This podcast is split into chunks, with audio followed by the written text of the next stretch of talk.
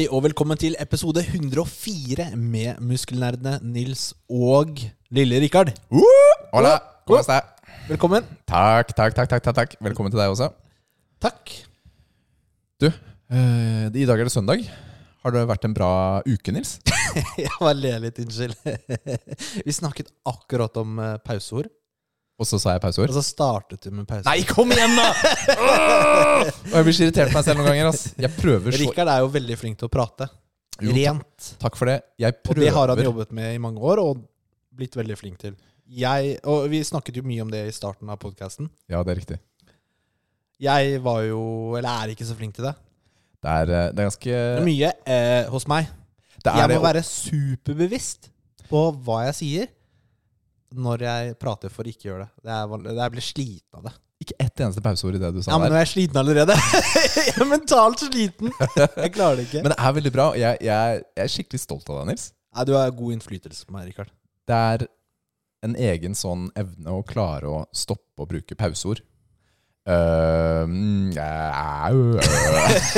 er litt deilig. Det er det. det er det. Jeg merker jo at jeg har en uvane at jeg kan dra litt på ordene når jeg tenker. Jeg har ikke pauseord, men jeg lar ordet gå lenger. Skjønner du hva jeg mener? Jeg har en teori om at hvis man er mer ekstrovert, så er det lettere å prate uten pauseord. Fordi man tenker, så, tenker fortere. Mens når man er mer introvert, så tenker man mer over hva man vil si.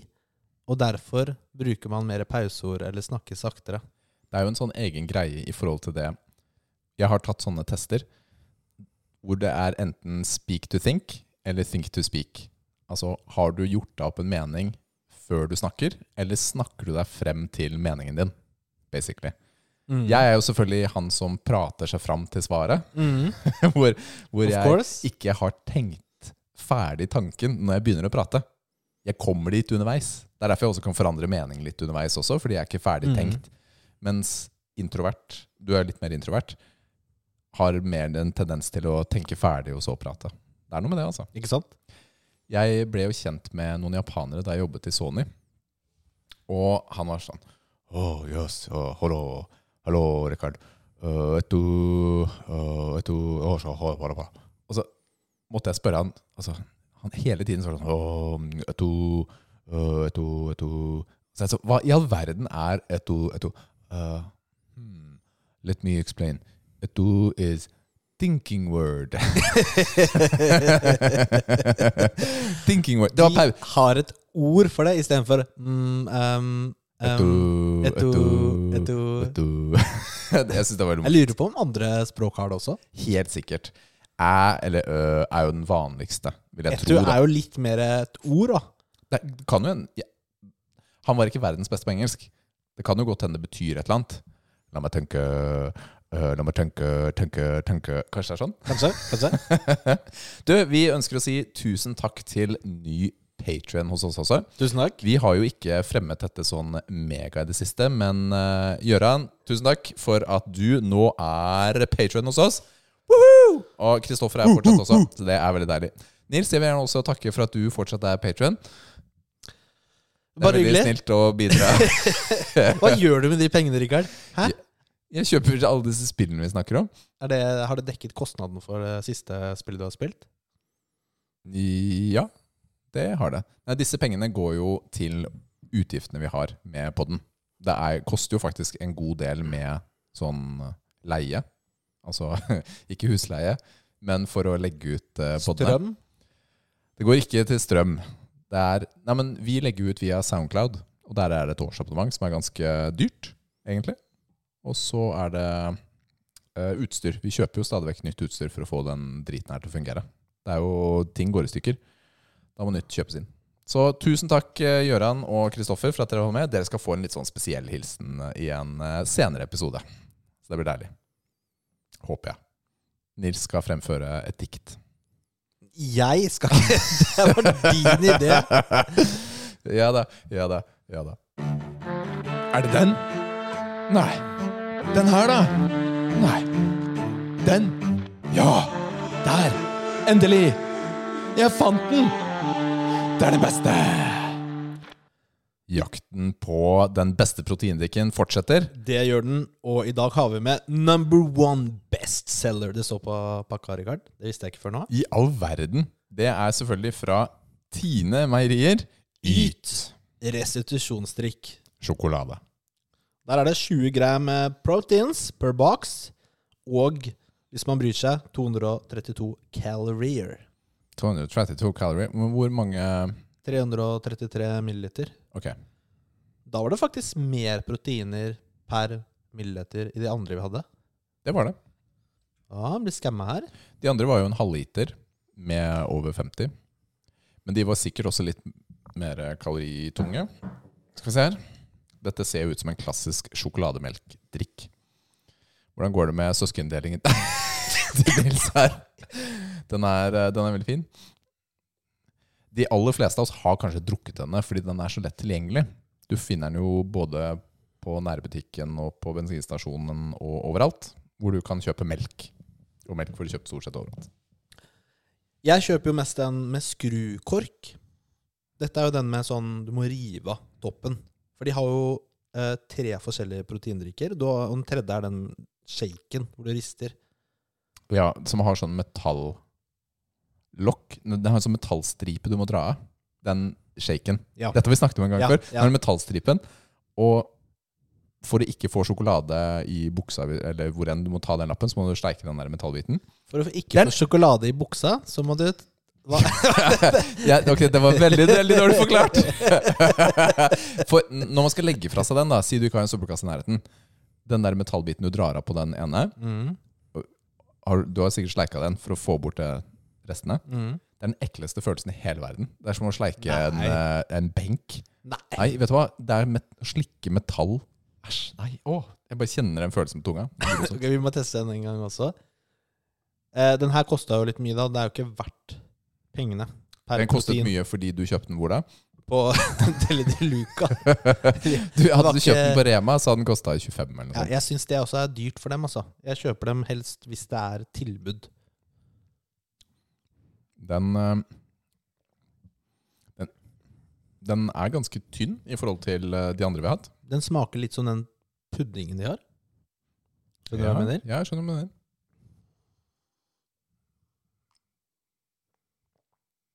Jeg er spent på Har du noe mer å dele? Smaker sjokolade. Den er jo brun i fargen. Den heter jo Det er jo kakaosmak, ikke sjokolade, faktisk. Vet du hva? Det merker man. Det er ikke sjokoladesmak. Den er litt, eh, litt tynnere i eh, Hva heter det? Konsistensen. Konsistensen, men litt tjukk, hvis du tenker på vann, da. Den er tjukkere enn, vann. Ja, takk for den. Takk for den. Har du- har du-. Har du drukket melk? Er tjukkere enn melk. Ja. Hva syns du, Rikard? Jeg syns den er helt ålreit. Den er helt grei. Det er ikke noe spesielt med den. Men den, den har ikke en sånn nasty proteinsmak. Det kan man si. Det har den ikke. Jeg er ikke helt favoritt, eh, Dette er ikke favorittsmaken min, da. Av disse disse Yt-variantene. Men det er et godt poeng det at den smaker kakao. Jeg sa jo at den smaker sjokolade. Det er feil. Den smaker mer kakao enn sjokolade. Den er ikke så søt, rett og slett. Det kan være ålreit. Den er ikke laktosefri, så nå begynner prompefesten om eh, ti minutter. Vi skulle tatt denne biten på slutten. jeg pleier å reagere på denne her, faktisk. De gangene jeg har kjøpt den. Hva gir vi? Hva gir vi? Um, Hva ga vi forrige gang? Vi ga seks. Sjokobanana. Nei, Det blir fem. snittet ble fem. Ja. Mm. Den er, den er bedre enn det. Den er bedre enn det. Bedre enn fem, ja. Den er bedre enn fem. Jeg sier syv, jeg. Syv? Ja. Ja, nei, vet du hva, det er greit. Eh, syv biceps til um, Yt restitusjonsdrikk kakao. Den kan du få på Rema, på Del de Luca, hvor som helst. Alle steder. Alle steder. I alle mulige former. Denne gangen Akkurat nå ser den ut som en sånn Sånn derre iskaffe. Det er sånn iskaffeboks. Det er jo de som starta med de boksene der. Ja. Så, Bra observert, Rikard. Ja, takk. Men ehm, det var ikke så mye å si om det. Det er Nothing special, liksom. Jeg føler at dette segmentet her var litt sånn kjedelig. Ja, men Da trenger vi ikke å dvele ved det. Da går vi videre. Ok, det er greit. Du, vi kjører på på en litt annen rekkefølge enn det vi pleier.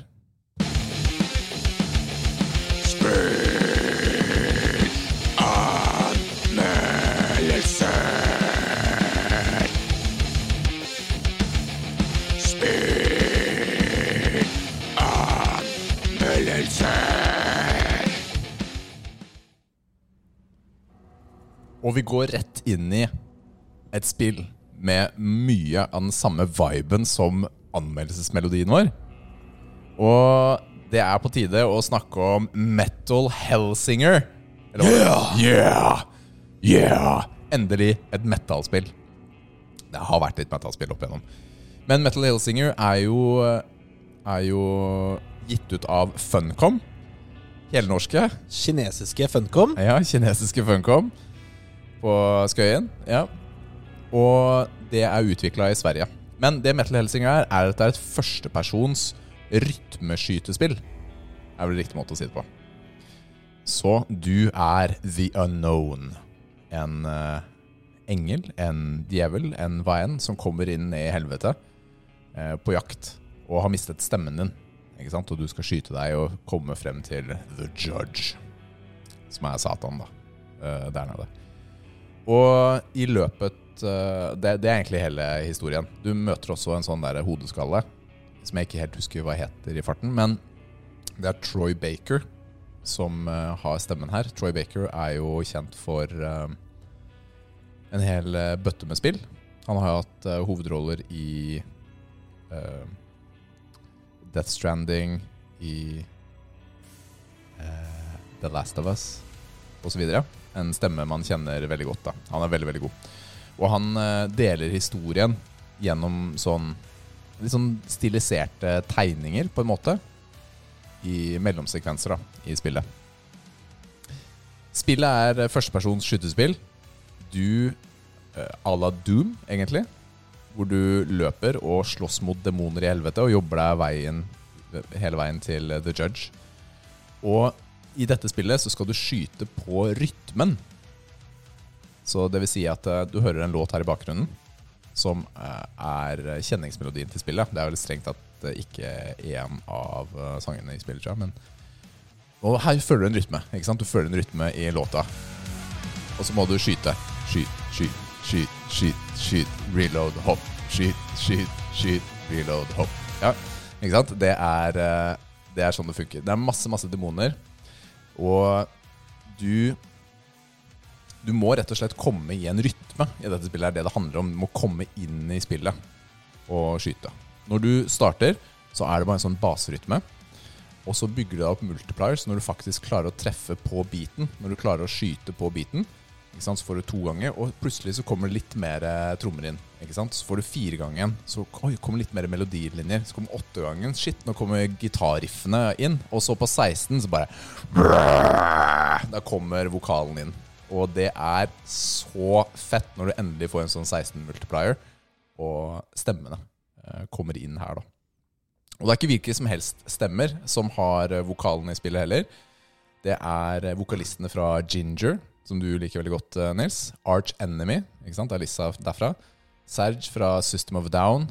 Vokalist fra Trivium, Dark Tranquility, Soilwork, Lamb of God og flere. Altså Det er skikkelig gode vokalister. Og det er bare originale låter. Det er Two Feathers, en, en som skriver, som har laget alle låtene. Og så har de fått inn, uh, fått inn disse vokalistene. Og det er Jeg syns rett og slett det er veldig gøy da å plaffe disse demonene. Det er smådemoner, altså sånne små Hva skal vi kalle de, ja, Nils? Sånne Grunts. Kall de grunts, som du kan skyte. Du har en sånn, du har en sånn der hodeskalle som du alltid kan skyte for å holde rytmen og for å holde multiplieren oppe. Eh, Du skyter disse gruntsene. Eh, Når du har tatt en fiende ned til et visst liv, så kan du gjøre noe som heter slaughter. Og det vil si at Da kan du trykke på en knapp, og så kommer det inn noe finisher. Og da får du alltid litt liv også, og så beholder du multiplieren. Så det, gjør, det er liksom måten å holde seg i live på. da.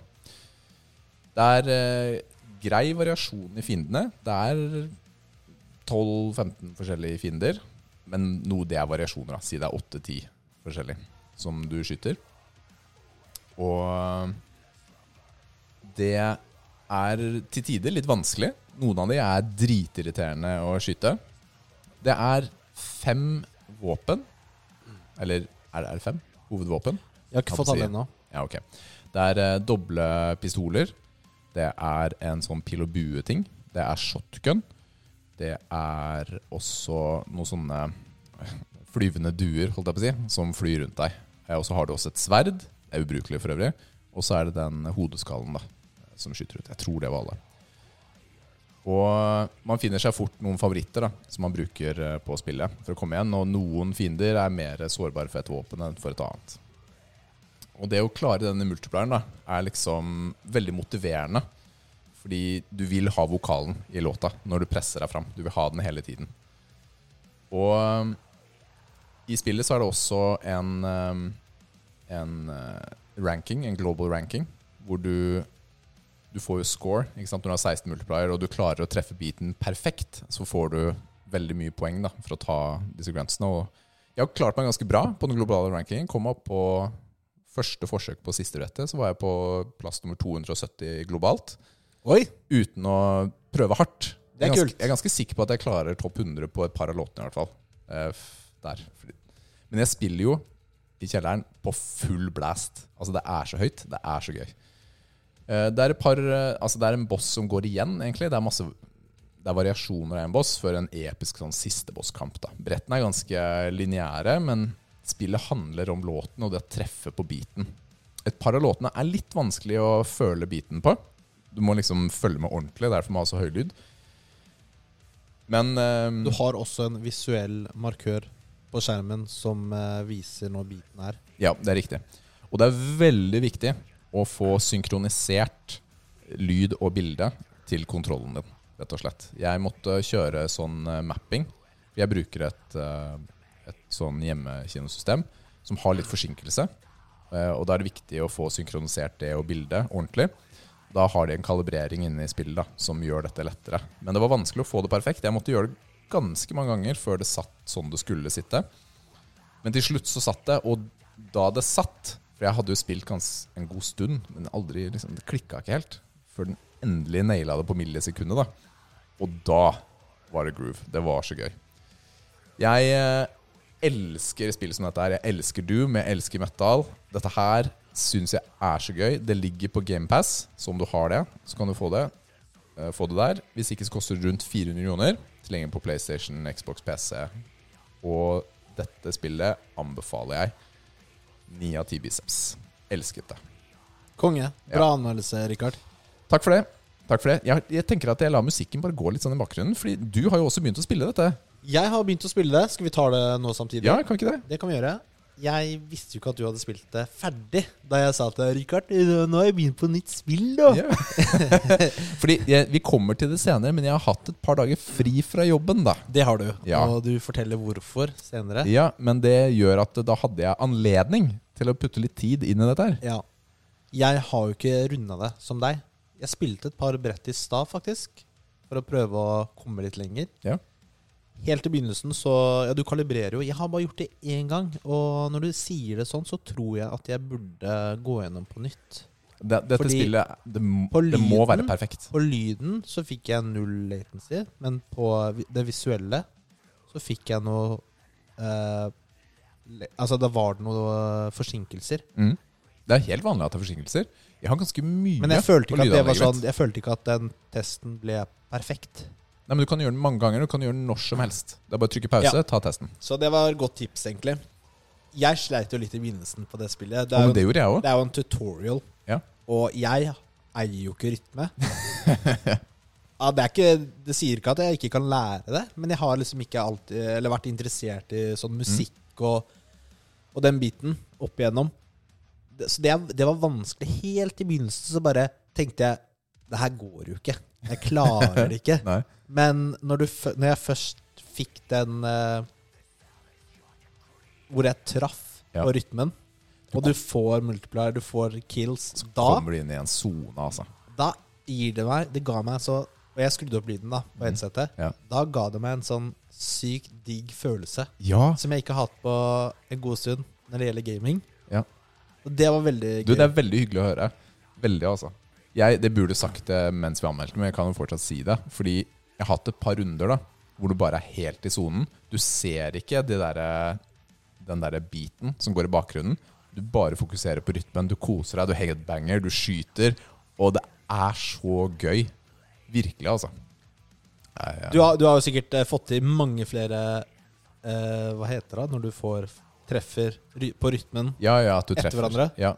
Hva er det beste du har fått? Jeg har bare fått sånn 17 eller 19.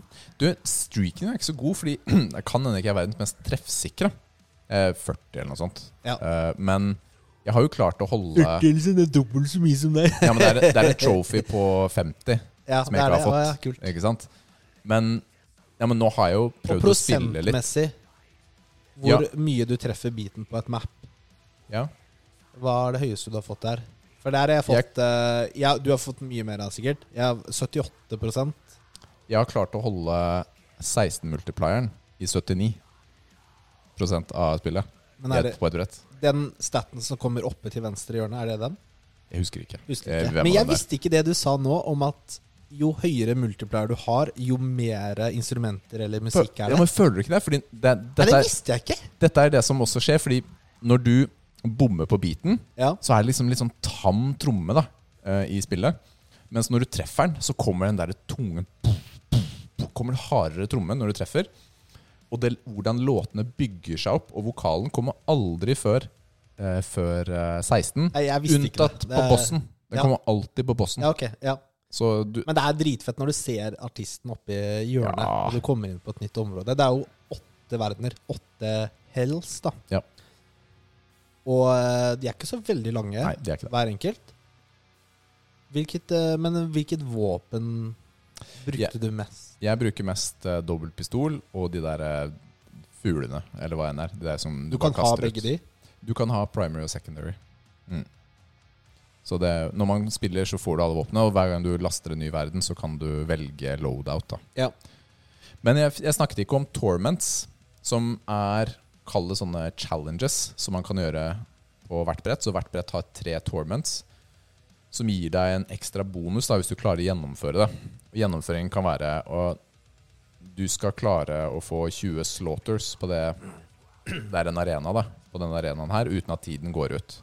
Så du får tre sekunder hver du klarer å gjøre, f.eks. Mm. Så kan bonusen din være at du eh, At du kan få én hit eller bomme på én bit uten at du mister multiplieren, eller at du går ned. Ja. Ikke sant? Du kan få at uh, når du bytter våpen, så tar ikke de to første skuddene og teller som ammo, at, eller at du bruker det. Så du får litt sånn hjelp, da. Du får boons Du får boons. til det vanlige spillet. Ja, det det som gjør at du kan Ja. få høyere, høyere high score, Mm. rett og slett. Og det er nødvendig for å kunne komme på toppen på listene, da, Ja, ha ja, selvfølgelig. Alle de hjelpemidlene, eller boonsene. Men det er ikke nødvendig for å gjennomføre spillet i det hele tatt. Det er det ikke. Det er bare for å fortsette å ha Men- det gøy. Jeg, I og med at jeg sliter litt med rytme og sånn, jeg sitter og headbanger. Mm. Fordi jeg prøver å ha rytmen i kroppen. Ikke sant? Men, men det hjelper masse. og, så, og så lager jeg altså sånn lyder etter rytmen. Bam, bam. Ja, ja, typ sånn, ja. Mm. Ikke sant? Fordi jeg må ha uh, Jeg må ha alle hjelpemidler jeg kan. Ja, men det er veldig fint å ha foten, da, som banger rytmen også, uh, når man holder på her. Eller hodet, da. Ja. Sånn. ja så bange samtidig. Det er jo, men eh, det er eh, Det er et veldig morsomt Det er et fett spill. Det er fett, 100 altså. Det er fett. Det er kort. Det er kort. Det er kort. Det koster jo samtidig halvparten av et vanlig nytt premiumspill. da Det koster 400 istedenfor 800. Det er litt feil at du sier det sånn. 400 syns jeg er mye i seg kan- selv. Ja, men, At det er halvparten av et nytt spill i dag, det, det er riktig. Ja, men det, men det, bare føles så ja, feil ut. jeg, jeg skjønner hvorfor du sier det, men det er ikke priset som et stort premiumspill, som er 800. Det er Mm. priset til halvparten, og det er det verdt, syns jeg. altså Og har du, har du GamePass, så er det no-brainer, syns jeg. da Og så er det jo en kvinnelig hovedkarakter, da, hvis man eh, bryr seg Ja, om det er sant, faktisk. Det er, eh, det er flere kvinnelige hovedkarakterer i Ja, spillet. Satan er jo Ja, Satan er også Kvinne. kvinne. Og The Unknown Det må jeg si, da. The Unknown Det er dritkjedelig navn. Det må man kunne si. Det er mystisk. ikke? Nei, det er dritkjedelig. Hva skulle hun hete? Helga? F- Ja, med dobbel, L. Uh. Nei, men The Unknown Det er litt sånn For å vite hvem hun er? Uh, No spoilers. Sikkert ikke, siden ikke du vet det. Men du får ikke vite det. Nei. Det er ikke det som er poenget. Men du får vite mer om verden, da, og hvorfor ting er som det er. Og hvem han skallen er. Så får du vite det er litt mer bakgrunn da, til hvorfor helvete er som det er. Jeg syns historien er spennende, den lille som vises. Ja, ja, Men hvis du også gjør Torment, så får du litt mer bakgrunnshistorie Ja. også. faktisk. Kult. Nå har vi snakket mye om det. Ja, vi. Eh, Men eh, ni av ti, det syns jeg er en fair score. Jo, takk. takk. Det er bra vi er enige. Fordi ja, det var gøy, altså. Men vi spilte jo aldri Ringeren. Men vi snakker om spillene vi har spilt. Det gjør vi, vet du. Ja. Har du noe annet du har kommet deg gjennom? Ja, jeg er ferdig med Horizon Forbidden West. Endelig! Det som er rart Jeg har jo nesten ikke spilt hele denne uka her. Jeg, og så var eh, Nathalie på trening en kveld. Og da fullførte jeg Horizon på kvelden. Ok, Da hadde du ikke Men- så mye igjen, da. Nei, jeg hadde jo tydeligvis ikke det. Eh, Så det var jo Jeg merka at det var helt mot slutten. Og eh, hva syns jeg? jeg? Jeg gidder ikke å anmelde spillet. Du gidder ikke å anmelde spillet? Nei. Jeg har snakket om det en stund nå. Jeg er litt lei av å snakke om det. Skjønner du hva jeg mener? Ja, jeg skjønner. Du har ikke lyst til å bruke tid på det? Nei, men jeg må jeg, jeg kan gi det en score. Det kan jeg gjøre. Og kan jeg si at det er lagt opp til en oppfølger? Nei, enda en. Og jeg antar det ikke er VR-versjonen. Nei, det er lagt opp til en treer. Ja. Jeg er litt Jeg er litt spent på det likevel, da. Ok, ja, det var Hvis- nok til å Nei, men hvis de gjør mange endringer, forbedrer det Mm. For det er jo noen ting som de har dratt over fra eneren, som for eksempel når du rir på dyr, Ja. så Det er akkurat det samme som i eneren, og det klagde jeg på. At det er så tungvint. Det er så klønky. De krasjer og stopper, og de er treige. Jeg red nesten ikke, jeg, i eneren. Veldig slitsomt. Men eh, Jeg har ikke lyst til å si det, men du får et ganske kult eh, dyr som du kan ri på, på helt på slutten. Det var vel egentlig vist i traileren, til og med? Var det ikke det? Var det det? Hva Den da? der flyvende Ja, det var det! det, Ja. ok, da, da sier jeg det. Hvis det er i traileren, Ja, det da var i er det ikke spoiler. Nei, Jeg visste ikke om det. jeg har ikke spilt spillet og vet om Da det. kan du fly over hele mappet. Det er jo dritkult, da. Det er kult. Men du får den helt mot slutten, så da bør du jo spille en New Game Plus hvis du får med deg de tingene over eh, i den. Men er det for å egentlig bare gjøre ferdig side missions og hente ting lettere? Kan det være grunnen? Det. Kanskje. Historien var Det var noen elementer som var spennende. Noen nye folk, hvor de kommer fra.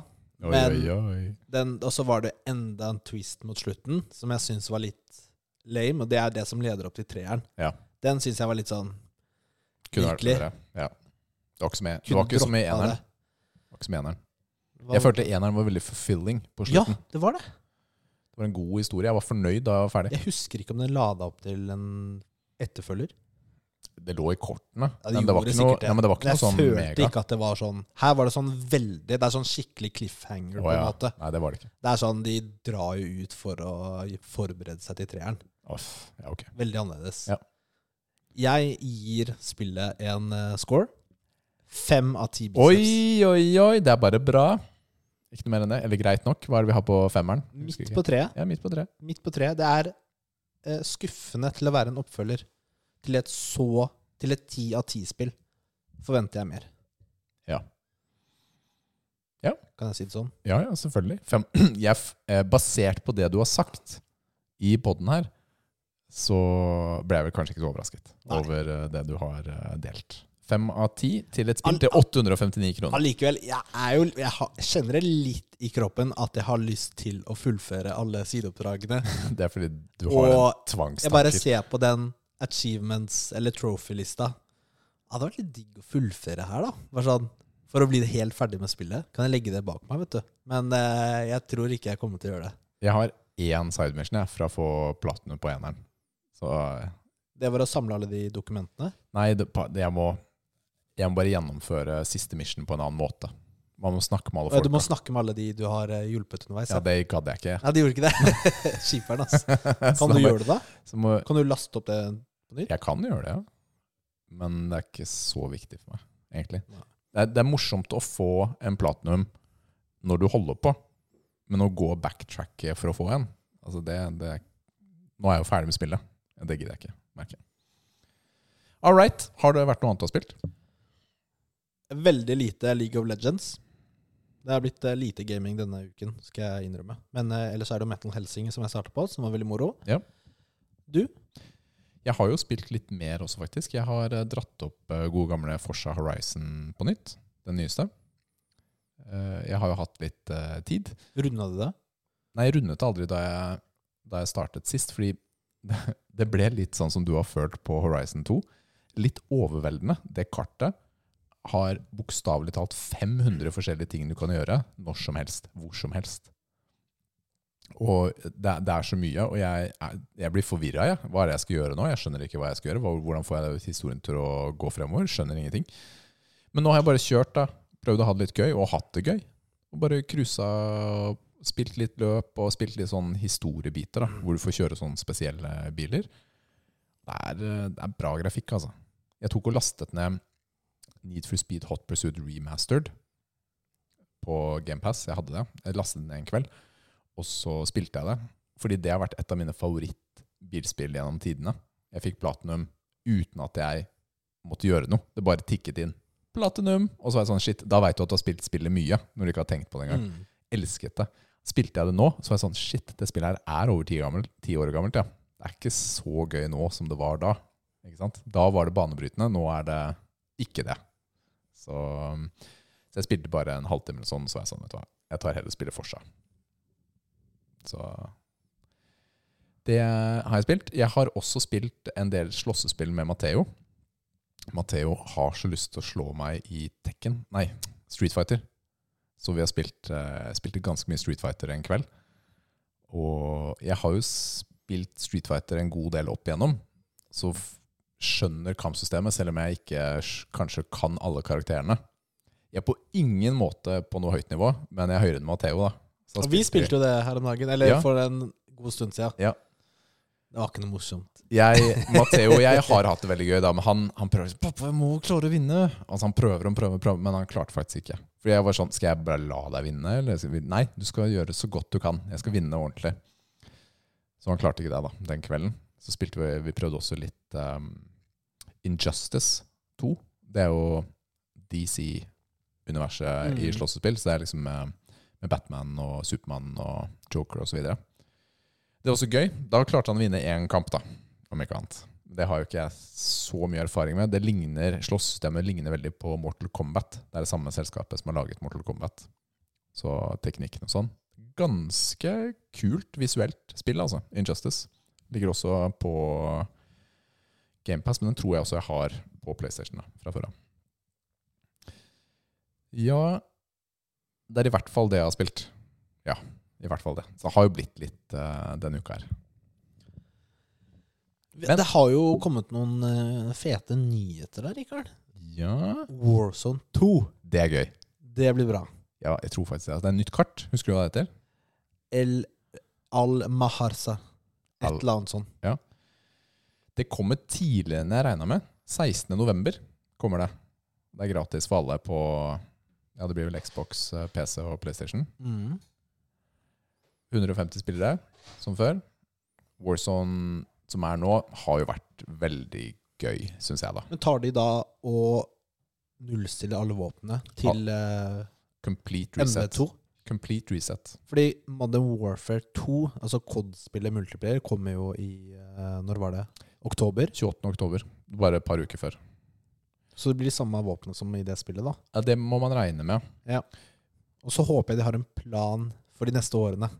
Det kan, ja, fordi sånn Warzone har vært nå, da. Det lanserte jo med Modern Warfare 1, eller den nye, Mm. 2019, eller hva det var. Og så har det jo kommet spill etter det. Det har jo kommet Vanguard, det har kommet Cold War. Cold War Uh, Så det søren meg er våpen for alle tidsaldre. ja, og så, Så har du sånn forskjellige AK-47-er. og og så er det Siden alle de spillene har jo de våpnene. Ja. Det, det er ikke 150 våpen eller sånt i det spillet der. her. Og den metaen og den balansen, er jo helt umulig.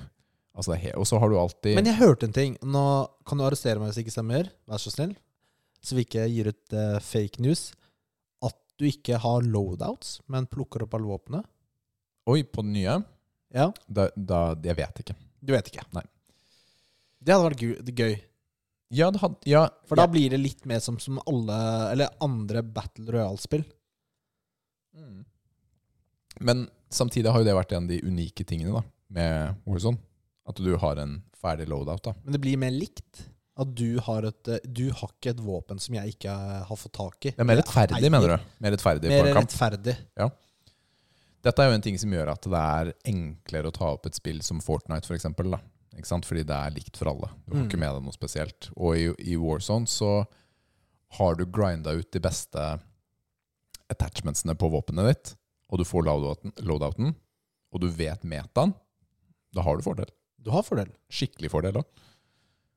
Og det gjør at det er vanskeligere å komme inn i det. da Jeg tenker jo nå, siden at eh, Nå har jo Warzone Det var jo ikke det i begynnelsen. Det har gått over til en gratismodell, slik som noen andre Battle Royale-spill. Så da Var det, vet de det var jo gratis i starten, var det ikke det? Nå sa jeg noe, nå bare står vi ved det. Ok, greit. Da veit de at ikke alle kommer til å kjøpe Modern Warfare 2. Ja. Så om de vil satse på dem som to forskjellige, eller om fokuset er MV2, og de vil prøve å få folk til å kjøpe det. I don't know. Jeg tror de tjener mye penger på Warzone, rett og slett. Masse, masse penger. Den har jo fortsatt å bruke motoren fra den første Warzone. Nei, første Modern Warfare. Så det vil jo si at eh, når du spilte Warzone, når du fikk inn Vanguard og Cold War-våpnene, så var det jo i en annen spillmotor enn enn den du kanskje spilte Mm. multiplayer på. da. Og det er litt andre sånne Litt andre animasjoner, litt andre frames og måter å håndtere det på. Pluss at det, det har ikke vært en field of view-slider på Warzone, eh, mens det har det vært på multiplayer på de andre spillene. Noe som har gitt eh, PC-spillere en ganske stor fordel da, på Warzone kontra konsoll. Vi tar et LAN eller et eller annet når det lanseres. Ja, vet du hva, jeg gleder meg. altså. Det var, veldig, det var veldig gøy. Eh, Modern Warfare 2 har jo åpen beta nå denne uken her. Teknisk sett, når vi spiller inn, så har den nettopp startet på PlayStation. De har noen ekstra dager. Eh, Sony har jo kjøpt. Jeg har bare sett noen videoer av folk som på en måte sklir og aimer et eller annet sånn de har eh, Litt sånn liten sånn cheese, da. Det er alltid en cheese i betaen. Allerede? Så, ja, ja, men det, det finner du ut av. Men det er åpen beta 24.-26. på alle plattformer. Så da er det bare å gå inn i eh, spillbutikken som du bruker, laste ned, og så har du tre dager da hvor du kan teste det nye spillet. Og det er egentlig en ganske ålreit ting å teste, fordi du får eh, Du får prøvd spillet, og- det er ganske likt sånn spillet er, og så ser du om du liker det. Fordi dette er jo et spill som kommer til å koste 859 kroner. Og da er det veldig fint å kunne teste det to-tre dager uten å betale. Tenker jeg, da. Skal, du kjøper det garantert 100 du, Ja, jeg liker Du har jo jo denne serien. forhåndskjøpt det de neste, for de neste ti åra. jeg, Jeg er eh, usikker på om jeg skal kjøpe det.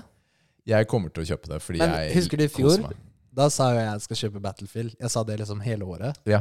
Og så kom jo Battlefield og COD, så kjøpte jeg COD istedenfor.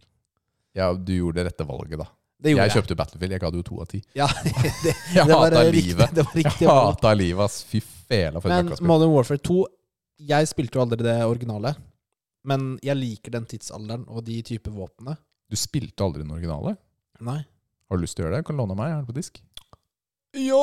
Skal jeg, skal jeg låne et ti år gammelt spill? Å nei, vent, da. Originale. Ja, altså Modern Warfare 2 som kom ut i 2011 eller 2010. Ja, men dette er jo ikke en remake av den. Er det ikke det? Er det ikke det Nei, samme som det, er, det er eh, reboot av serien. De bare har navngitt det etter det gamle, fordi det gamle hadde så sterkt merkenavn. Har det ikke noe med det å gjøre? Sånn Ingenting. Sånn som Modern Warfare eh, 2019? Nei, men den hadde ikke noe med Altså, den har, den har han der mannen med barten, som jeg ikke husker hva heter nå. Ja. Han er med, men det er ikke noe av den samme historien. Altså, det er modern, På Men PlayStation Kartene, liksom? Det er et par av multiplayer-kartene som er like. Ja. Men uh, det var jo på PlayStation 3 og 4 så var det Modern Warfare 1, 2, 3. Og så kom nå Modern Warfare 2019, som er en ny historie med samme navn. De kjører jo akkurat det samme som de har gjort i Fast and Furious. Hvor de bare navngivningen er bæsj. ikke sant? Hvor de plutselig på fireren heter The Fast and the Furious istedenfor Fast and Altså De bare finner på så dumme ting, da. Nå blir det veldig mye frem og tilbake her. Ja, men å, eh, vi- Unnskyld meg. unnskyld meg. Men samme det. Det er ikke en remake av den gamle. Det er en ny historie. Med gammelt navn. Jeg tenker mer på at multiplayeren er i samme tidsalder med samme type våpen. Og Ja da, ok, greit. Da, sånn da. Og hvis de har samme multiplayer-kart, det er sikkert noen av det samme. you know. Sikkert noen av det samme. All right. Det var uh, spill, det. Det var spill. Det var spill. Ok, da. Tips. Ok, Rikard, nå skal vi gjøre litt annerledes. Jeg har et par spørsmål Ja. som vi kan diskutere. Oi. Ok? Da skal vi se hva jeg har skrevet her. Uh, ja, eller det er vel egentlig en, en, uh, en statement. Hva er det på norsk? Utsagn. Et utsagn. Ok, første er uh, Still spesifikke spørsmål til barna om dagen.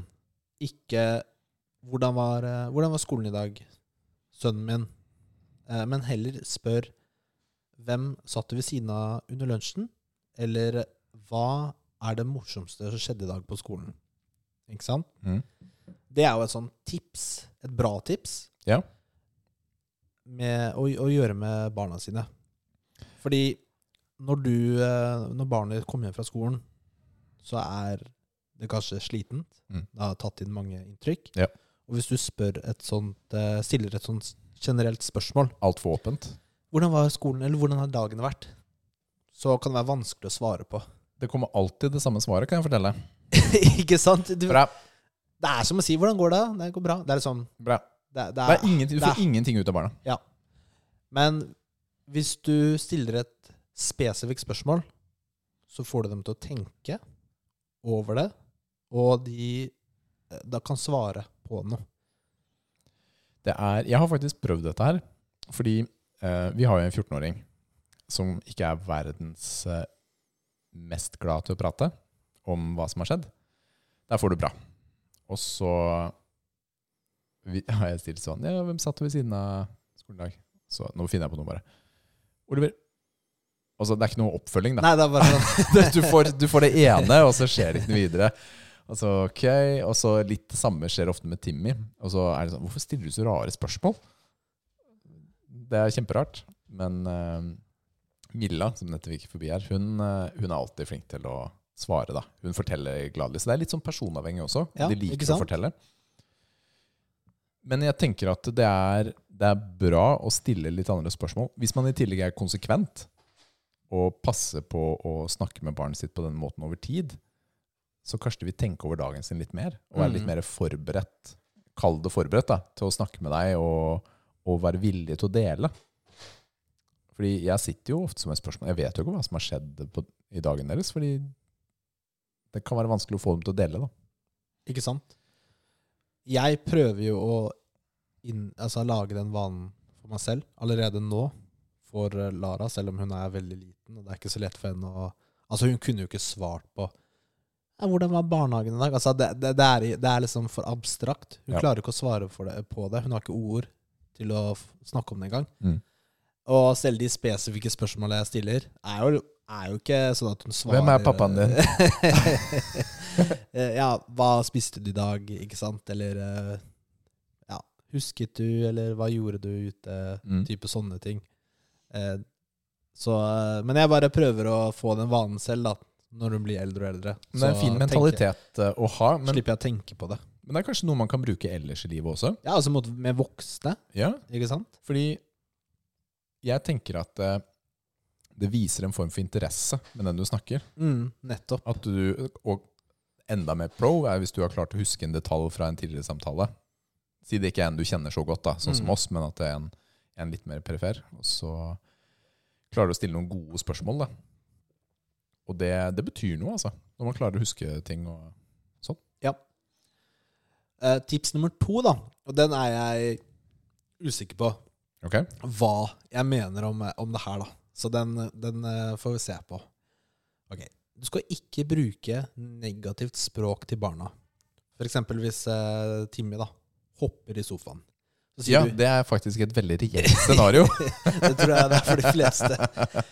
Så, ikke hopp på sofaen, Timmy. Ok? Så kanskje de slutter med det.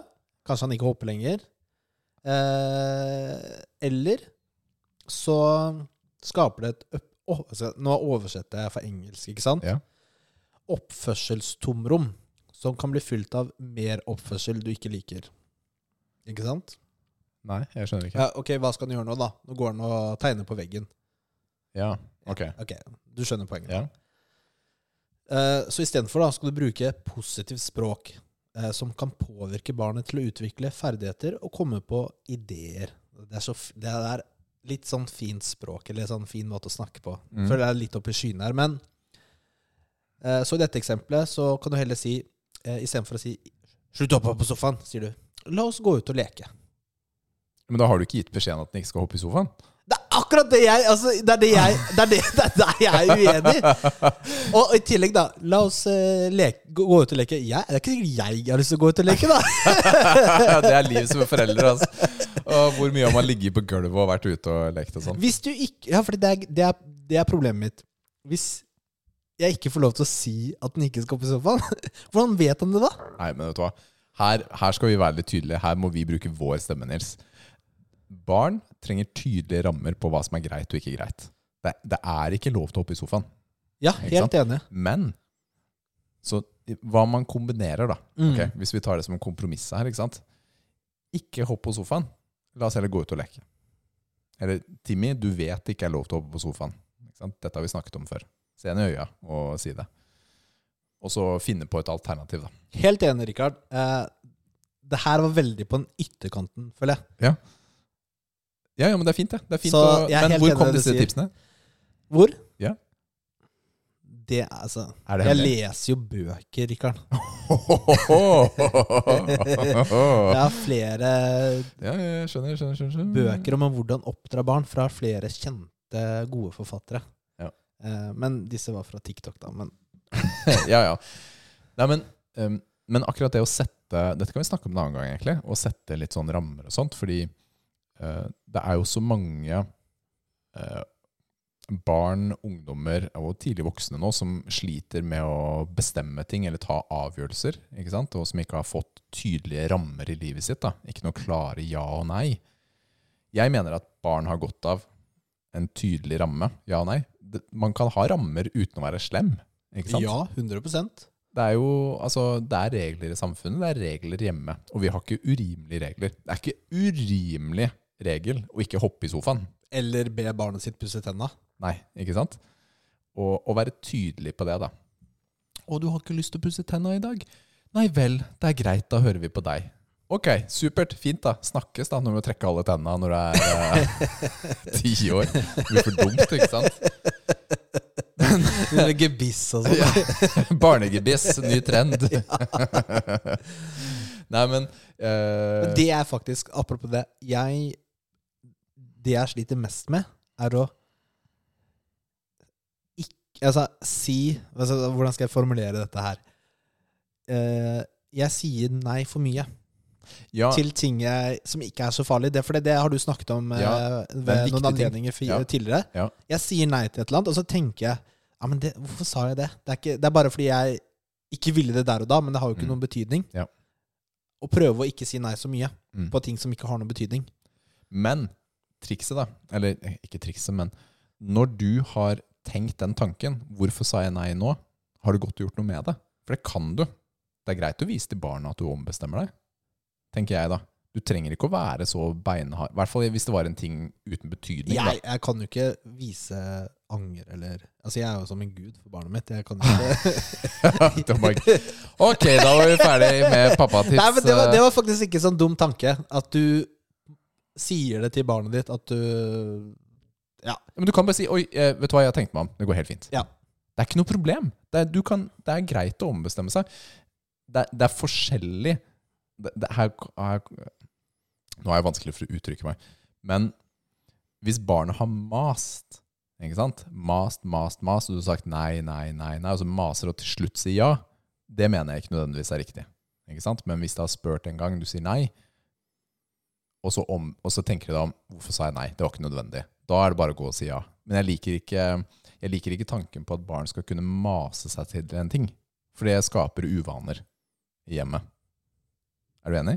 Ja, helt enig. Veldig bra. Nå har vi faktisk fylt opp flere podcaster med innhold i pappatipsspalten Som vi kan snakke om senere. Nei, altså, vi har jo det- Vi sliter jo noen ganger med å finne ting, men nå har Ja. vi snakka om masse! Og så Det er kommer det, kommer det store, Ja, store fordi, som har skjedd nå. Du har jo vært eh, sengeliggende Jeg har vært sengeliggende.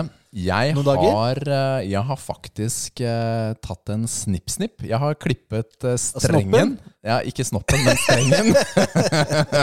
han, han var grei og lot det være igjen litt.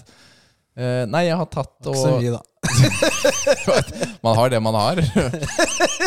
Jeg uh, har vært og sterilisert meg, rett og slett. Så jeg har uh, klippet strengen, som det heter. Så det er da Da klipper man uh, sædlederen, som går fra Hva heter det for noe? Fra den ene balla og oppover. Testiklen? Fra den ene testikkelen. Jeg husker ikke alle de tekniske navnene, men det er en, en sånn sædleder som går fra testikkelen, eller den baksiden av den, opp inn i urinrøret, så videre inn i, inn i prostata Et eller annet. Jeg husker ikke. Men uansett, man klipper den, som gjør at eh, eh, man mister tilførselen av sæd videre da, eh, i utløsning. Som gjør at man ikke kan få flere barn. Og det betyr at det blir ikke noe sånn pappatips på småtroll herfra videre. Garantert. Håper jeg. Nei, du, dette du vil ikke ha flere barn. Dere skal Vi- ikke ha flere barn. Vi har tre barn. De er 14, 12, straks 12 eh, og 8. Og det vi har tenkt, er at eh, det er bra for oss, rett og slett. Nå har ikke jeg lyst på flere barn. Hvis det kommer en til nå, så er det Det ville forandret livet vårt veldig, da. Vi, har, vi fikk barn tidlig. Med vilje. Vi ønsket å være unge foreldre, og da tilhørende unge besteforeldre. Men hvis det plutselig kommer en, eh, en kid nå, da det eh, er, det er mange planer i vasken. Og har man kapasitet da, til å ta seg av det barnet på optimal måte Jeg er helt, jeg er helt sikker på at det, vi ville fått det til, og vi har vært glad i barnet, men det er ikke det vi planlegger. da. Så da var det en beslutning. Og vet du hva? Det er en lettelse, altså. Jeg merker at det er litt sånn Ok, det er en Kall det bekymring, da. eh, Litt sånn ute. Og det er litt, det er litt deilig. Skal innrømme det, altså. Så selve inngrepet er veldig enkelt. Jeg var på, var på en klinikk, og så setter de lokal bedøvelse. Du kjenner sprøyta på bedøvelse. Det er, jeg har jo ikke hatt noen operasjon før, men jeg har jo vært hos tannlegen og trukket tenner. Ikke sant? Men det er samme type stikk da, som du får i kjeften når du skal trekke en tann. Men Også- hvor uh, tok du den i eh, De i nærheten, Ballene? i nærheten I eller i pungen. Jeg vet ikke. Jeg satt ikke og titta på. Nei, altså, det var bare et stikk. Jeg syns ikke det var veldig vondt. Noen ganger kan jo det å sette bedøvelsen være verre enn eh, det du skal gjøre. Og det kan jeg love deg, fordi det andre gjorde ikke vondt fordi det var bedøvelse. Altså, fordi bedøvelsen fungerte 100 Den gjorde det så bra. Ja, 100 Så de satt jo Satt den flere steder, altså jeg kjente kanskje seks stikk til sammen. Men det er bare det første stikket som gjør vondt.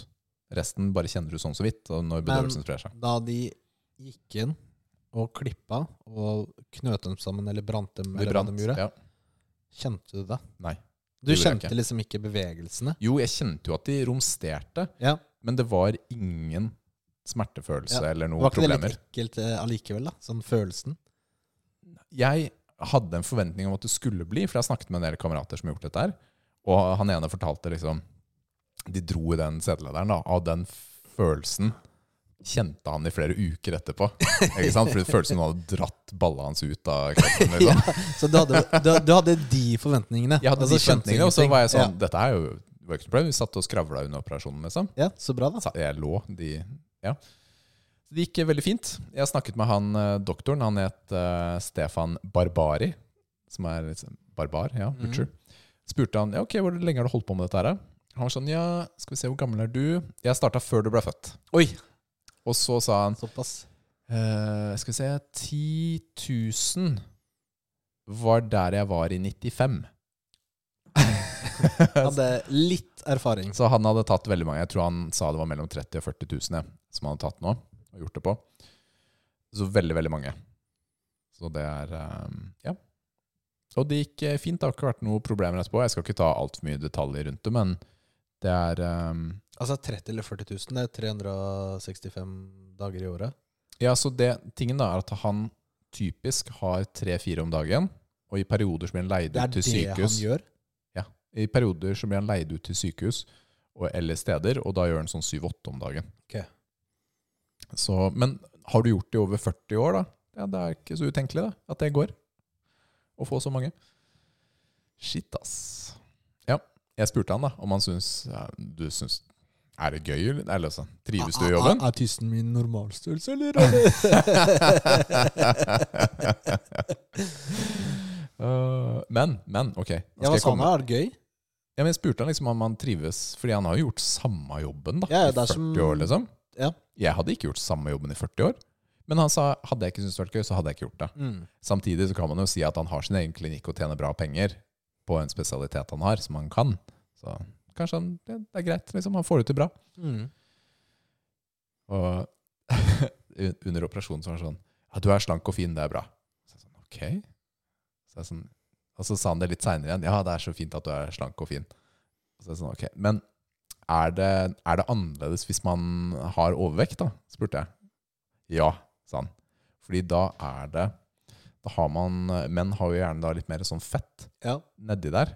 Og det gjør at det er veldig vanskelig å finne den strengen. Den er jo veldig tynn og liten. Mm. Og det er jo kikkertsoperasjon. Så det er fett i inne ja, i det området. Inne i det området. Ja.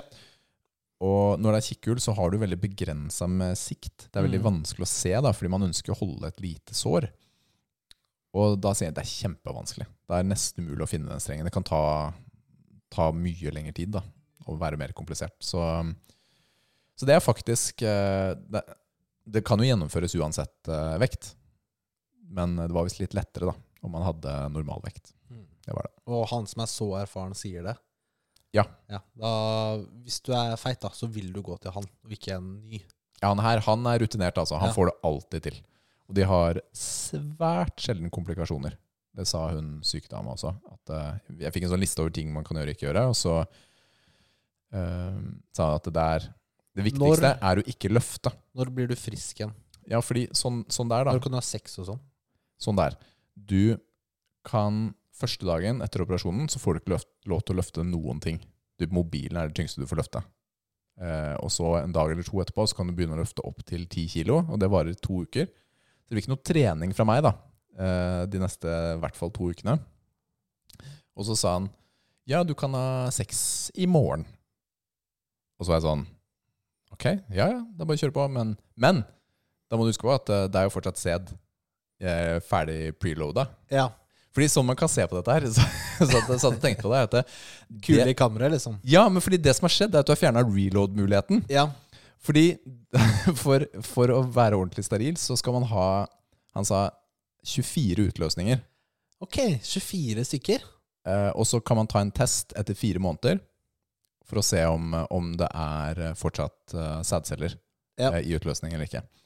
Så 24 Så, så kom vi ut på Vi satt og venta, for man måtte observeres litt, bare for å se at alt var greit. Og så sa han ja. Og så Da er det 24, 24 utløsninger før det er trygt. Og så sa han Og det sier jeg til deg, så pek den på meg, ikke til deg. På Liv.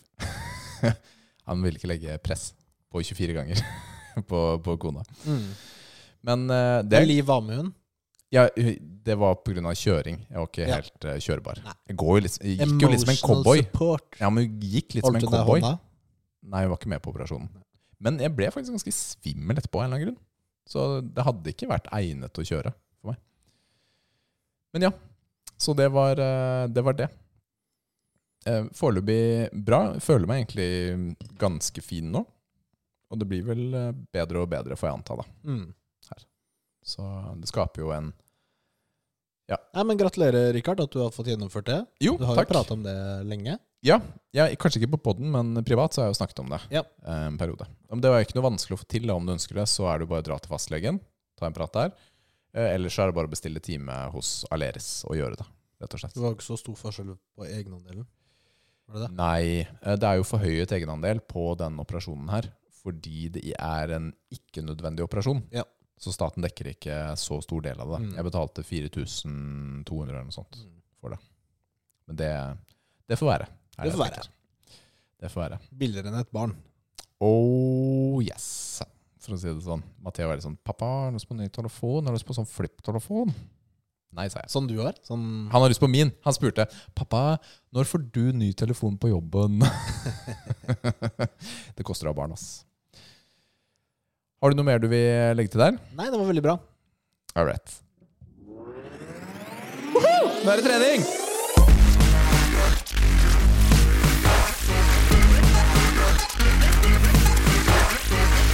Åh, nå er jeg sliten. Du har jo ikke trent denne uka, da. Eller Du, før jeg- torsdagen. Jeg kjørte jo Trente du? Jeg trente jo helt til torsdag. Ja. Trente jo også på torsdag, fordi jeg hadde lyst. Men eh, nå er det Det er viktig at jeg ikke gjør det, fordi du merker jo Man tenker kanskje ikke så mye over det, men det er veldig mye løft, da. Så er det jo bukpress, ikke sant? og det legger jo også press nedover mot pungen. Og det kan rett og slett skape ordentlige problemer. Da får du en uheldig utløsning under treningen. Ja, og den utløsningen kommer ikke nødvendigvis gjennom tissen, da. det kan komme ut gjennom balla. Det, det er ikke stedet du har lyst til å ha det. Du blir kasta ut fra gymmen ditt og sånn.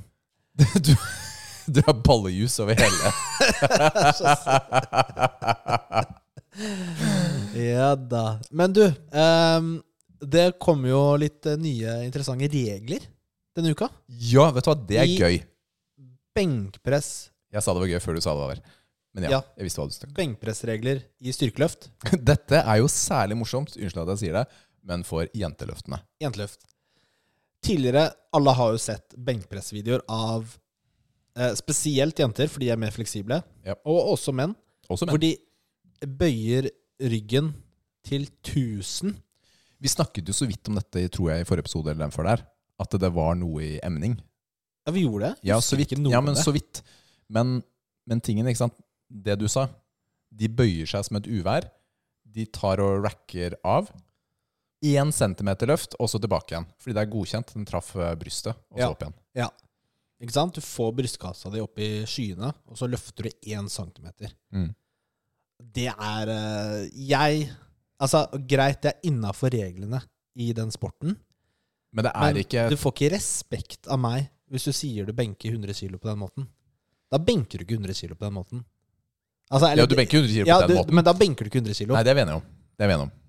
Du må ligge relativt normalt. Ja, det er litt. Hva er de nye reglene? De nye reglene, Rikard, det er uh, Ok. Når du, set, når du skal eh, legge deg ned på benken, Mm. så har du ikke lov til å ha beina oppå benken under oppsett. Ja. Slik som man har tidligere. Ja, fordi Før så kunne du bare legge deg hvordan du ville. Ja. Dette, Nå- dette, forhindrer vel visse vinkler, kanskje? Ja, Altså at du er, kan sette skuldrene sånn ordentlig opp. ja, det det er enklere å få den bøyen, Mm. kurvaturen, når du har føttene oppå benken, Ja. til å begynne med. Og så setter man jo selvfølgelig bena ned igjen, men nå må du ha det nede. Ja. Eller eh, jeg har sett noen videoer hvor folk eh, Kaster seg rundt. Nei, de sånn. bare setter beina på et eller annet ved siden av seg som ikke er benken. For å liksom omgå reglene, da. Det er litt morsomt. Eh, og nå så må du senke baren, stanga, Mm. ned til brystet. Og undersiden av albuen med, må være eh, på linje med skulderleddet. Ja, ikke sant. Så det vil si at det, du må få armene en viss dybde, da. Ja. Rett og slett. Du må komme ned til en viss målbar dybde mm. for å få godkjent løft. Mens før så hadde man jo Ja, du trengte bare å treffe brystet. Trengte bare treffe brystet. Mm. Men nå må det en viss dybde ned. Og da blir det tyngre for mange. Det er klart det er tyngre. Det er dritungt. drittungt. Ja.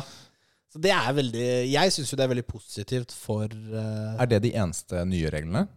Er det ikke også noe i forhold til uh, rumpe? Hvor den skal være? Det står ikke på okay. disse punktene her. Jeg trodde det var det. Men uh, rumpa må jo fortsatt være nedi. Ja, for det, det kan jo bare være at det, det er ikke noe endring på det. Ja, det kan være. Vi diskuterte jo litt eh, da vi trente sammen hva, altså hvilke fordeler man har da, ved å ha en kraftig vinkel. Ikke sant? Fordi se, si at uh, Si den første regelen, da, ikke sant? i forhold til oppsettet. Fordi da får du en Basically så får du en decline-benk. Ja. I, I vinkel, da, når du klarer å sette deg på den måten. Og du underkjente mitt rekordløft fordi det var decline-benk og ikke vanlig. Ja. Ja, fordi det er lettere. Eh, statistisk sett så er folk sterkere i decline enn i vanlig. Ikke sant? Og når du setter opp på den måten, så blir det ikke riktig, da. Det kan, det kan være en grunn til, til den biten. da. Mm. Så altså, Men det er sånn, jeg følger jo ikke den idretten. Bortsett fra på, på sosiale medier, da, Ja. hvor man ser løft på Så, noen. men jeg er jo ikke publikum eller noe sånt. Men jeg, jeg får jo mer respekt eh, for, for det der da, nå, med de nye reglene. Og definitivt, fordi det gamle var jo bare tull.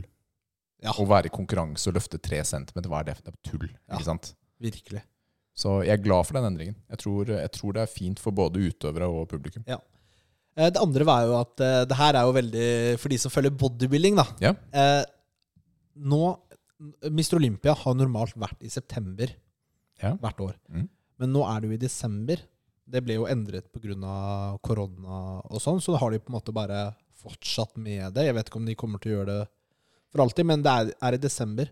Og Derek Lundsfort, Ja, han vant jo 212-klassen. Det er Mm. de som er under Mr. Olympia. Eh, han har annonsert at han skal være med i Mr. Olympia. Oi, Altså store den, klassen? Den store klassen. Oi! Eh, for han har jo lagt på seg ganske mye. Ja. Så folk er jo lurte på bøs. liksom Han er svær, altså. Hvis han skal gå ned eh, mye nå, så må han gå ned ganske mye. Eh, fordi det er to- 212 pounds da den ene klassen har som maksvekt. Ja, og det har jo Men jeg syns det er veldig gøy, fordi eh, han vant jo nå. Og Flex Lewis vant den klassen var det seks ganger på rad. Og Ja, han, i hvert fall. Ja. han skulle jo gå over. ja, det er sant, ja, Han skulle Men så ble han skada, så ble korona, nå er han jo øh, pensjonert seg. Så han fikk aldri gjort det. Men Mm. han her gjør det med en gang. Kult. Eh, så det blir gøy å se hvordan det går. Fordi de i to- 212 er jo ofte gjerne litt lavere også, ikke sant? Det er jo den måten de klarer å ha Altså, jo lavere du er, jo mer masse kan du ha på deg. Typisk, da. Ja, visuelt så det er lettere å legge på seg masse Ja, men altså du på? Ja, men er du høy, så må du bruke mer kroppsvekt på skjelett, på organer. Altså Ja, ved å være Det høy, du, da. men allikevel så kan det være en fordel, fordi du, får, du blir større visuelt hvis du har så mye muskler. Men i 212 så er du en faktisk Du må jo stoppe et sted, ikke sant? Mens de som er høye, kanskje kan bli enda tyngre, da. Så Det er sant. Men eh, spennende. Derek Lunsford, han er jo en Han, han er kul, altså. Han er barsking. Mm. Så Men eh, skal eh, Seabum opp til eh, 212, eller? Det tror jeg ikke. Nei. Jeg tror han fortsetter.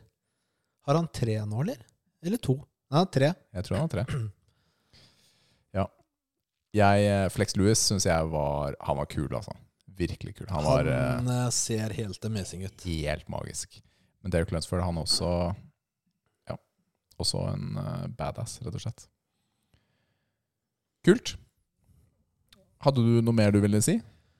Du, eh, jeg hadde jo det, egentlig. En, eh, en, det er en studie Mm. om kroppsmål og markløft. Hva menes med det? Hva menes med det? Ok, Det startet med at eh, han eh, eh, Svein Erik, vet du, han som vi hadde som gjest Mm. i, for et halvt år siden, Ja. han hadde en post på Instagram Ja. om akkurat det, denne studien her.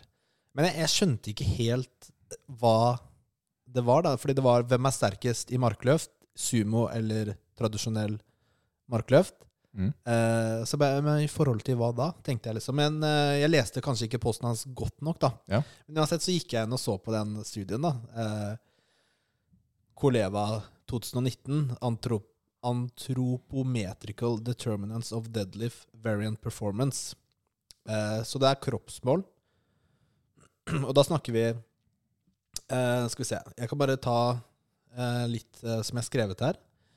Eh, formålet med studien var å finne ut av sammenhengen med kroppsmål og sumo-markløft og konversjonell markløft. Mm. Eh, ytelse der, da. Ja.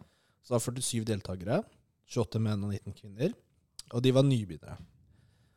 Eh, og da kroppsmålene, det er eh, lengde på arm og håndlengde.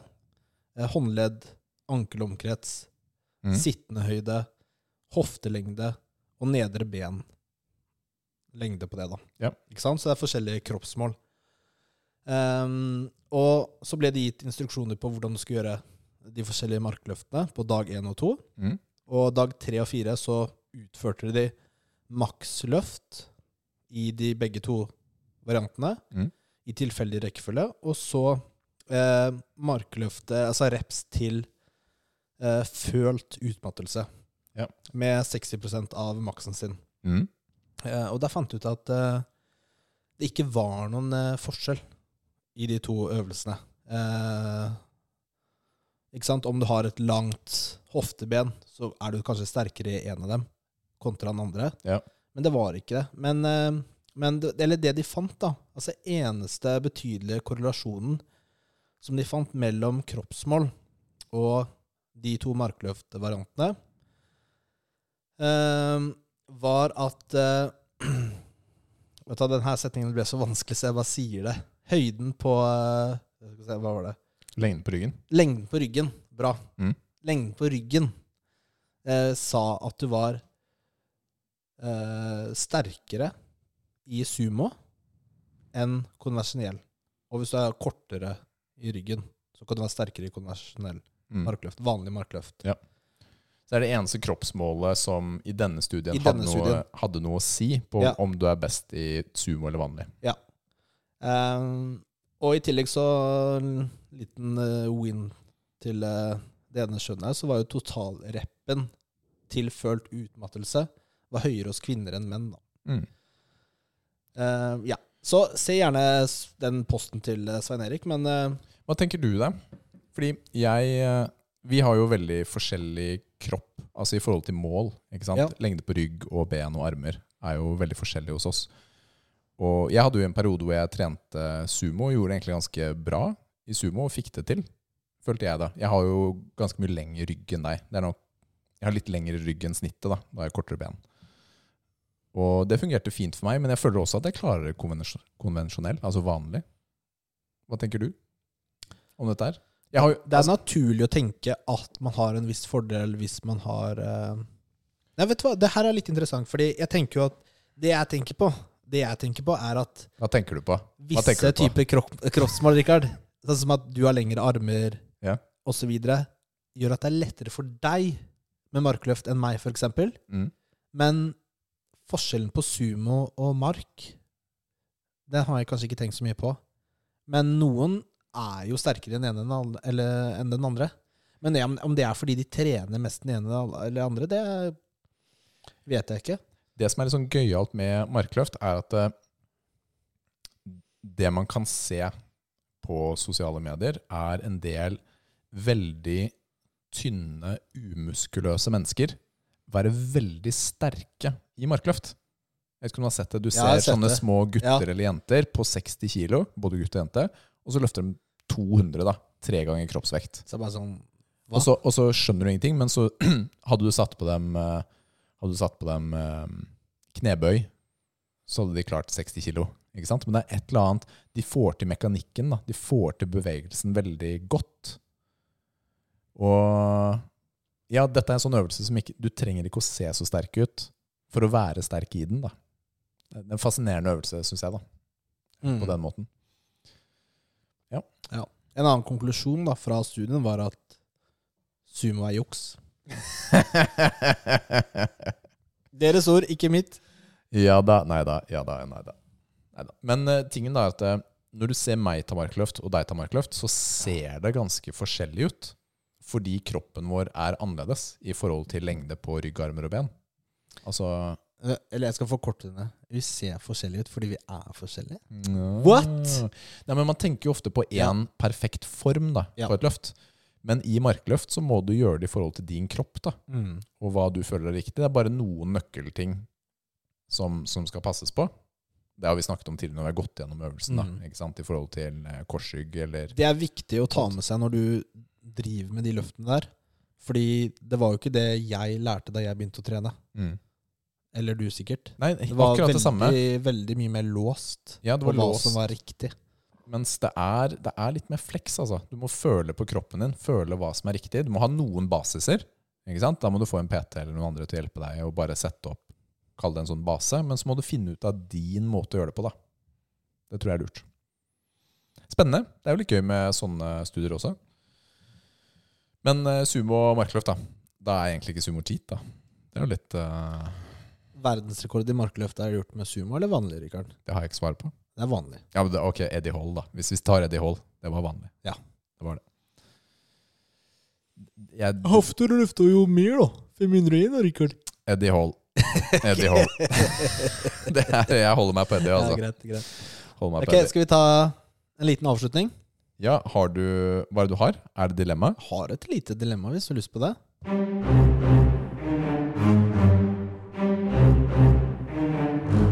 Dilemma. Ok. Rikard, Rikard, Rikard.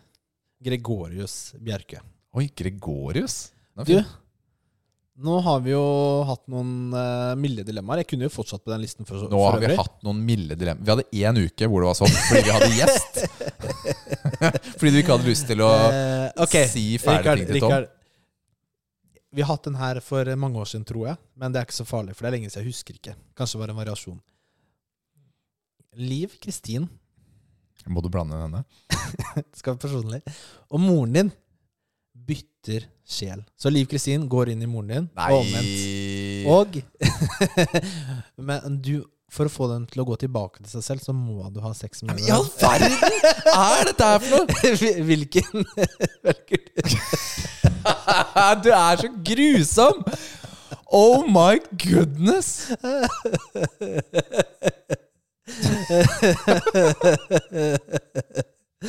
Ja, ja. Ok, så Liv Kristin og mamma bytter sjel. ja. Så det vil si eller ånd, eller hva du vil Ja, si. kall det hva du vil, da. Så, eller bevissthet, da. Ikke sant? Så mamma havner i Liv Kristin sin kropp, Ja. og Liv Kristin havner i mamma sin kropp. Ja. Og jeg må ha sex med en av dem Ja, for at det skal komme tilbake. Ja, riktig. Oi, oi, oi. Det her er grusomt, Nils. Hva er det du tenker på? er det, Finner du på det sjæl, eller? Hæ? Nei, Finner du på det selv? Jeg har bare gode kilder. Du har gode kilder. Ja. Fordi nå sliter jeg faktisk litt med å svare på det. Fordi hvem kom inn på rommet her? Liv Kristin, du må ikke høre nå. det er jo helt grusomt. Oh my goodness, altså. Ok. ehm, nei, ehm, jeg tenker er Jeg tenker at vi må forholde oss i dette punktet her til kroppene. Ja. Ja. Og nå, nå ser Liv meg i øya. Nei, du kan ikke være her, for da svarer han ikke ærlig.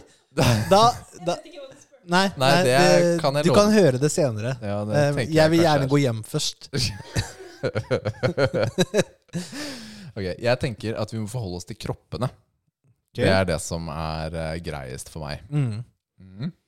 Jeg, har et, eh, Og jeg har så- et bra svar, for så vidt, men eh, Men du kjør har på et bra først. du. svar. Ja, men jeg må tenke gjennom argumentasjonen min, da. Ja. Så det er at ehm, det, er, det får bare være at eh, det, det blir eh, Liv, da. Sin kropp. Med moren din. Ja, men, men da får Da får hun være i rommet, da. Samtidig. Jeg vet ikke. Hvem skal være i rommet samtidig? Ja, men vet du hva? Jeg kan ikke ha sex med kroppen til mamma. I all verden er det dette her for noe? Det går ikke. Det er ikke snakk om. Nei, men du har ikke noe valg, altså. Det her må det være. Nei, så det får eh, Så du har sex med moren din, da? Nei, jeg har ikke det. Jeg har ikke det! Fordi det hadde sagt uansett hva jeg svarte. Så er det det du hadde sagt. Du hadde sagt Rikard, å, så ser moren din, ut. Uansett hvem som var det. Du, du må finne på Nils! Du vinner ikke uansett. Nei, det er bare tap! Jeg kan hjelpe deg litt, da. Fordi hvis du tar det eh, muligheten som du valgte nå, da, Mm. så får jo du og moren din traumer. Ja. Men du kan jo minske det til at bare du får traumer. For da tar du jo eh, Og kanskje Liv Kristin, da. Tror du ikke Liv Kristin hadde fått traumer ved at jeg skulle ha sex med jo- henne i kroppen til mora mi? Nei, men Da lukker hun øynene og så bare later du som hun eh, er seg selv. Ja. Ja, jeg veit ikke. Jeg, det, jeg tror ikke det er noe Ni- Nils, Nils Fredrik Andersen. Nei, nå er du Nå- svar- nå er det svaring! Nei, nå er vi ferdig. Nå er vi ferdig. Jeg må gå hjem Nå- og legge meg. nå- Jeg har eh, jobb i morgen og hele pakka. Nathalie og moren din har bytta kropp. Nei, går Slutt! Ikke si noe mer. Det er ille. Ok, da skal jeg neste gang jeg møter mora di, skal jeg si Du vet hva, Nils han har sagt at uh, Det var ikke sånt. Jeg har ikke sagt det. Nei. Nei. Men uh, det var uh, Ja, det var bra. Bra dilemma. Det var ikke bra dilemma! jeg Fy søren, altså. trodde jeg var ferdig med det, men uh, dukka opp allikevel, altså. Jeg, vet, jeg tror ikke vi blir ferdig med disse her. Nei, men eh, er det så mye mer man kan finne på nå? All right. Du, jeg kom på en gøyal ting jeg gjorde i helgen som jeg ikke sa i introen. Som jeg likevel hadde lyst til å dele. Og det var at eh, nå i helga så var jeg og spilte rollespill. Ja, du hadde jo en post på det. Ja, så jeg var og spilte rollespill med, med gjengen jeg vokste opp med. Så vi spilte et sånt alien, ferdiglagd, kall det rollespill, da. Hvor det er kart og regler og, og karakterer ferdig laget til deg. Og så er det laget til enten fem eller syv personer, da. Og så er det, det er tre, kall det spill, da, i pakka. Og spilte med en som heter Niklas, som for øvrig driver rollespillpodden. Så han er, han er pro. Um, uh, Rollespillspiller. Game. Ja, men han er, han er GM, liksom. Eller DM heter det. Dungeon Master? Er det Game Master? Dungeon Master? Jeg husker jo ikke engang. Kommer kanskje an på hvilket rollespill man Kanskje. spiller. Men dette var, det var ganske gøy, altså. Fordi da var vi på en planet, det er et scenario. Det er til og med laget en liten video som man skal se på først. Og så er du selvfølgelig et team, du skal finne noen, og så skjer det ting. Pa, pa, pa. Men eh, det er ganske enkelt system også. Det er veldig deilig at karakteren er ferdig laget. Mm. Du velger en av syv, i vårt tilfelle. da. Og systemet i kampene er også ganske mye lettere enn Dungeons and Dragons. da. Så det er veldig enkelt å komme seg inn i, og det var en veldig positiv opplevelse. Så anbefales da til, eh, til folk. Dersom Vant du? eh, vi rakk ikke å bli ferdig, fordi Nei. folk kom litt sent. Så vi kom litt sent i gang. Vi holdt på en del timer, men vi ble ikke ferdig. Så vi må fortsette. Men eh, til de som har lyst til å få med seg dette spillet, så er det egentlig bare å gå inn på rollespillpodden, RR-podden, tror jeg de kaller seg, på Spotify f.eks. Og de har en full gjennomspilling av dette spillet, som seks episoder. Som er litt gøy, da. Eh, faktisk. Da vil det si at de spiller mens de spiller eller snakker om Ja, det er riktig. De, har, de spiller, og så er de, har de mikrofoner på sånn som det her. Mm. Så det er en litt sånn gøyal måte å få med seg Ja. et sånt spill Da på. da. får du med deg spillet. Du får med spillet. de kaster terninger, og- ikke sant? og ja. historien og valgene de gjør og sånt. Han er veldig erfaren, Niklas, så han er veldig, veldig engasjert. ikke sant? Han Mm. beskriver veldig godt hva som skjer. Han er veldig fleksibel han er, i forhold til uh, hva man kan og ikke kan gjøre. Altså Han har, han har god kontroll da, på det hele. Men det var uh, Det var uh, ganske kult, altså. Jeg døde jo egentlig i her veldig tidlig. Men så viste det seg at vi hadde med oss en androide da, som hadde en sånn der, eh, en spesialevne som gjorde at han kunne hoppe eller redde noen, da, sånn Mm. last minute. Så var jeg sånn Shit, Kristoffer, er du villig til å gjøre det, eller? Fordi det kan jo hende at vi kan revive deg, siden du er androide. Jeg kan ikke revives. Dør jeg, så er jeg ute av spillet, og så kan jeg dra hjem, liksom. Og så ja, ok, vi prøver det. Og da fikk han også en annen Den traff annerledes, og han døde heller ikke. Ikke sant? Så det var en win-win, da. Så det var gøy. Kult. Ja. Vi klarte å ta Eller jeg klarte å ta den første alien. Jeg var jo typ sånn brute, sånn grunt, sånn mm. førstemann da, inn i steder. Veldig tunge skyts. Ja, det var det ene ting jeg kunne gjøre, var å skyte. Jeg var ikke så god på andre ting. Kult. Det var moro. Det var moro. Så en liten, det burde kanskje vært i starten, men en liten sånn eh, shout-out der. Vi eh, Har du lyst til å støtte Muskelnerdene på Patreon så er det bare å gå inn og gjøre det. Vi setter pris på alt som kommer der. Vi setter også veldig pris på spørsmål, innlegg, kommentarer som kommer. Har du et spørsmål om trening, om kosthold? Vi hjelper så godt vi kan. Vi, vi vet vår rolle. Vi er ikke nødvendigvis eksperter, men vi liker å bidra. Eh, og til alle som har forslag da, til podden. Er det f.eks. en spesiell proteindrikk du anbefaler, som du liker godt, som vi burde teste? Send inn forslag, så skal vi prøve Ja. å få til det. Det må du gjøre. All right, Nils. Jeg tror vi har kommet til veis ende denne gangen. Det har vi, Rikard. Da ønsker vi dere en god uke. Det var veldig formelt, men vi gjør det. Det gjør vi. Ok. Ha det! Bye!